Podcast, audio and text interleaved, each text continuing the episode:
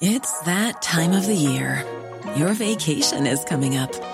You can already hear the beach waves, feel the warm breeze, relax, and think about work. You really, really want it all to work out while you're away. Monday.com gives you and the team that peace of mind. When all work is on one platform and everyone's in sync, things just flow wherever you are. Tap the banner to go to Monday.com.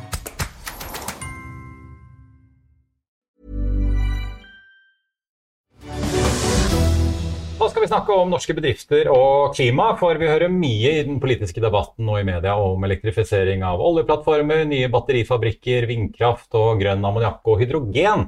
Men hvordan forholder egentlig vanlige bedrifter seg til alt dette, og hvordan påvirker de store konsernenes klimamål alle de som leverer til dem? Velkommen til oss, Ingeborg Øfshus, teknologidirektør i Telenor Norge, og eh, Fredrik Nordbø, seniorrådgiver for eh, klima og omstilling i WWF. Du, dere, uh, Ingeborg, aller først tenkte jeg må liksom høre, for det skjer mye hos dere om dagen. Uh, I dag var det auksjon på 5G-frekvenser, og dere kom akkurat med planer om uh, hva dere skal gjøre med 5G-utrullingen neste år. 2500 bassstasjoner, det er ganske hektisk? Det er hektisk, og det er veldig gøy å komme med den slags type planer da, og vise hva vi tenker, og vise hvor hvor godt vi har kommet i gang med moderniseringen, og ikke minst hvor helhetlig vi ønsker å jobbe med ikke bare å få 5G, men òg et mer robust nett. Og så er det jo veldig viktig at vi har frekvensene, da, slik at vi kan levere den kapasiteten som trengs i Norge. Og da mener vi jo at eh, da, med auksjonen så ligger det, det godt til rette for det. Ja, og det er jo mye penger i spill. Dere og de andre aktørene betaler staten 3,4 milliarder eh, kroner. Det drypper jo etter hvert ned på mange leverandører av dere. Og dette er jo utslipp, eller altså Dere og leverandøren deres har jo utslipp som dere skal bli kvitt. Jeg tenkte å spørre først, liksom, hva, hva, er målet dere har satt i, i Telenor, og hva, liksom, hva, er de største utfordringene for å nå det? Dere driver vel strengt tatt basstasjonene på vannkraft allerede? Ja, men det handler om mer enn bare oss og hva vi gjør helt sjøl. Eh, det handler selvfølgelig også om de varene og tjenestene vi kjøper. Eh, så vi har jo sagt da at i, i Norden så skal vi være karbonnøytrale innen 2030. Jeg håper at i Norge kanskje vi kan pushe det til å være enda tidligere. Ja, snike litt foran, ja. Ja, ja, ja det, er en god konkurranse. Og så har vi jo sagt vi skal kutte med 50% i Asia, som er et veldig krevende marked for oss. Så da er jo da eh, mål vi har satt oss. Og så videre har vi jo også sagt at vi ønsker å handler fra Altså bruker pengene våre på leverandører og partnere som også forplikter seg til SPTI, da, altså Science Based Targets. Eh, og da har vi sagt at 68% av forbruket vårt bør rettes mot de partnerne i første omgang. Ja, Så dere begynner å vri på en måte pengebruken mot de aktørene yes. som faktisk kan levere? Ja. Eh, og Science Based Targets er en slags liksom, protokoll man forplikter seg til som bedrift? er Det det? Ja, altså det er jo da en metodikk sant? Å, sette, å sette klare mål og følge opp. og Jeg er sikker på at Fredrik kan fortelle mm. mye mer om det enn meg. Men eh, jeg ser jo da at, da at vi har en felles metodikk som vi følger, og som vi jobber med partnerne våre rundt, det gjør det egentlig lettere til å snakke. Altså, en har eh, både samme rammeverk rundt diskusjonen, så jeg vil si at det legger mye bedre til rette for at vi felles jobber for å nå de målene. da. Fredrik, Telenor er jo et stort børsnotert konsern. Eh, vi vet jo at finansmarkedene, der er det flere og flere som begynner å presse på. Og disse store konsernene de ikke bare leverer de bærekraftsrapporter, men eh, de har jo de siste årene begynt å komme med ganske klare mål som de skal iverksette, og de skal jo ned til null stort sett alle sammen. Mm. Eh, men altså denne uken så hadde jo Telenor da en, en, frokost for leverandørene sine, så det begynner jo å dryppe nedover. Eh, det, det er vel strengt tatt kanskje ikke noen bedrifter i Norge som slipper unna dette her etter hvert? Det, altså, det håper jeg ikke. eh, vi må jo kutte utslipp alle mann. Og, og, og, det er jo klart at eh, det er naturlig at man begynner på topp. At de største tar lederskap, sånn som Telenor. Vi ser òg en del eh, finansaktører i Norge, KLP, Storbrann, som går foran i dette.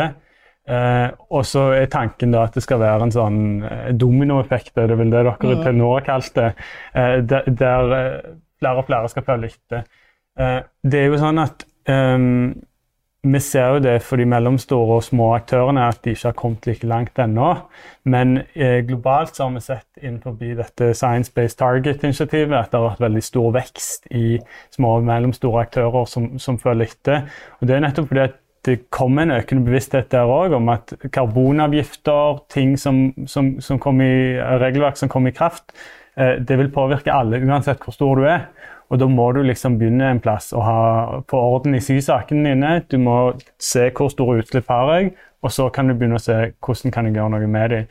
Og Da tenker vi i WWF og Telenor eh, at Science-Based Targets-metodologi og sånne klim overordna klimakrav kan være en god gulrot til leverandører, sånn at de kan, kan, se nytten av å gjøre disse tiltakene. At det ikke bare blir eh, straff da, i form av høyere avgifter. Sant? Du trenger litt gulrot og litt pisk. Ja, for vet jo, politikerne, Man får jo se hva den nye regjeringen gjør, da, men i hvert fall den utgående har jo lovet en CO2-avgift på 2000 kroner tonn i 2030. Det er jo en ganske ja. sånn uh, klar prislapp som alle kan forholde seg til. Ja. Uh, men ikke sant, det brede laget av næringslivet, hvor langt er de kommet på å faktisk ha oversikt og, og f.eks. kunne si til Telenor, hvis de er en kunde av dem, jeg slipper ut så og så mye i år, og, og mm. dette kan jeg gjøre for å kutte? Nei, Eh, nå kan jo kanskje du si litt om Telenor mm. sine eh, leverandører, men overordna har vi sett at, at, eh, at de har kommet, eh, altså det har ikke kommet så langt, men det er en veldig stor bevegelse. Du ser at eh, det er en del ting som gjør at man utvikler kompetanse, sant, blant annet. Um, er det flere store revisjonshus og revisjonsfirmaer som nå utvikler tjenester der de hjelper bedrifter å telle karbonutslipp og setter mål, og at de gjør det relativt billig og effektivt, som gjør at flere og flere kan få tilgang til dette. Så Det handler litt om at man må finne måter å gjøre dette sånn at det ikke blir så veldig eh, komplisert og mystisk. Sant? Det skal ikke være sånn at du må være en sånn bærekraftsguru for å gjøre dette. Sant? Det må være enkelt, sånn at alle kan bli med. Og Der eh, har vi satt i gang et initiativ sammen med UN Global Compact, og jeg vet Det finnes andre lignende, sånn som næringslivssamarbeidet Skift, der man jobber for å utvikle denne kompetansen, sånn at flere kan få tilgang til den. da. Uh. Ingeborg, eh, dere forholder dere jo til alle fra Eriksson, som er en kjempe globalt som leverer eh, basestasjoner til hele verden, til liksom små aktører i Norge. Hvordan går dere frem når dere på en måte skal få alle leverandørene til å også etterleve deres mål? Ja, altså, jeg tror vi kan skille med ulike typer aktører. Da. Disse store globale gigantene. Eh, noen av de har jo forplikta seg allerede. Eriksson er et eksempel på det. Apple er et eksempel på det, f.eks. Så de er liksom eh, enkle å forholde seg til? Ja, ja, men så det er noe med at eh, når vi faktisk har eh, våre, skal vi si, ut, skal kjøpe utstyr, så er, det jo, er dette her da en del av kravene vi stiller. sant? Eh, vi, kan vi starte med en ambisjon? Jeg mener vi kan være veldig konkrete med å stille krav rundt dette. Men en annen veldig stor, viktig partner for oss, det er jo entreprenørmarkedet i Norge. Eh, og vi gikk til de og sa at nå har vi forplikta oss i Telenor. Eh, vi trenger hjelp av dere. Det var ingen av de som hadde dette på plass. Eh, jeg er utrolig positivt overraska hvordan de har måte, gått i dialog med oss, satt oss ned, først fortalt om metodikken og begynt å jobbe sammen. Og Der vil jeg kanskje trekke fram uh, Eltel som et eksempel. Uh, de så at de måtte forplikte seg på konsernnivå. Det er mye større enn Norge. sant? Det har de gjort. Mm. Så nå har dette her altså fått, det at vi har bedt om det, stilt et krav om det, på en, jeg vil si en dialogbasert måte. Det har ja, for dere kaster ikke ut leverandører? Nei, nei, altså det er mer, vi, vi, vi, vi sammen. Altså, dette her er, vi er enten alle vinnere eller alle tapere her. jeg tror det er litt viktig. Så, så jeg tror dette skal ikke være et konkurransefortrinn. Dette skal faktisk være noe som vi jobber med bransjen vår for å gjøre vår del. Og da er det godt å se at entreprenørmarkedet har også kommet oss veldig i møte, og jeg syns det går nesten fortere enn jeg hadde trodd. Så, så, um, og når vi ser at det vi ber om i Norge, plutselig da får en ringvirkning i, med Eltel som går i Norden og videre. sant? Mm. Det er, litt, det er litt, kult. Ja, ja.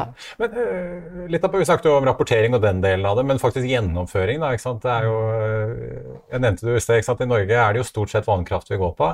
Mm. Uh, og selvfølgelig man kan bytte ut firmabilen med, med elbil når den tid kommer. men hva er liksom de store utfordringene for norsk næringsliv ellers da på utslippsfronten, hvis man liksom ikke er i oljenæringen og liksom ikke de tunge industrianleggene? Hva er de store liksom, bøygene man må over her? Med, altså, I Norge i dag så, så altså, Man har jo utfordringer i Norge og utenfor Norge. sant? Altså, det er mye som kommer, importeres fra utlandet. Mange tjenester, mange varer. Og Der er det jo viktig at man gir de insentiver til å, bruke fornybar kraft så mye som mulig i Norge så, så, er det jo som du sier, altså transport er jo et stort uh, element. Transport, bygg, uh, arealbruk uh, i bygg og, og få gode retningslinjer på det. Altså når du velger en entreprenør. F.eks. se på vindkraftdebatten som har vært da. at Det er viktig at du setter krav til den entreprenøren om å, å gjøre minst mulig naturinngrep og minst mulig på en måte Altså bygge minst mulig for å bruke minst mulig ressurser. sant? Og, og, og, så der, der, kan man hente veldig mye i, med å lage noen liksom, felles spilleregler. da. Ingeborg, dette kan jo være Det er jo ikke nødvendigvis gratis dette her for en uh, entreprenør f.eks. Er det sånn dere gir økonomiske insentiver i kontrakter og den type ting, eller? Nei, altså jeg tenker, det er jo mer at eh, Eller stiller dere det som krav, og så ser dere hvem som kan by billigst? liksom? Ja, altså Jeg tror det vil utvikle seg i den retning at dette her vil være en, skal vi si, en større og større del av en kravstilling. Så det betyr at du faktisk får, eh, du får eh, du får mer salg da, du får mer business ved å levere på det.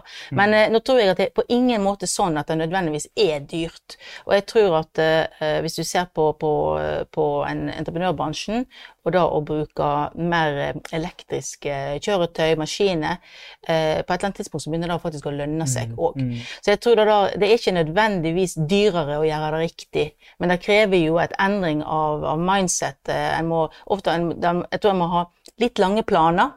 Eh, det er viktig. Og så må, man se at det lønner seg eh, det lønner seg faktisk å, å, sette tøffe krav, fordi at da får en også som si, bygd forretningen sin mm. videre. Mm. Men Er det sånn dere kan gi de større forutsigbarhet ved f.eks. si at ja, hvis dere når disse månedene frem til 2028, så, så er vi en kunde av dere? At de liksom selv om det ikke er et økonomisk direkteinsentiv, så ser de en eller annen sånn lys i enden av tunnelen for å komme seg gjennom dette her. For det er jo, altså, ja, elektriske maskiner de må jo kjøpes inn.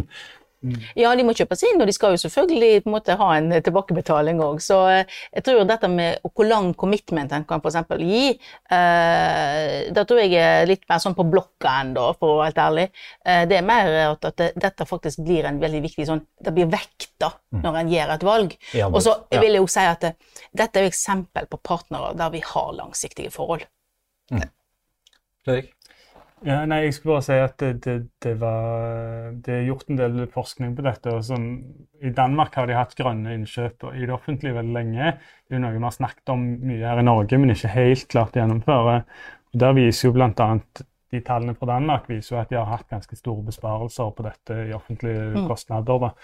Uh, det er rett og slett fordi du bruker ressursene mer effektivt. og Man skal, skulle tro at markedet hadde tenkt på dette allerede, men, men de har altså funnet nye måter å, å, tenke på som, som, gjør at de sparer penger. Da. Mm. I hvert fall ingen tvil om at uh, ting rører seg, at det er den veien det går. Uh, Ingeborg Øfshus i Telenor og Fredrik Nordbø i WWF, takk skal dere ha begge to. Økonominyhetene er en podkast fra Finansavisen. Programledere er Marius Lorentzen, Stein Ove Haugen og Benedikte Storm Bamvik. Produsenter er Lars Brenden Skram og Bashar Johar. Og ansvarlig redaktør er Trygve Hegnar.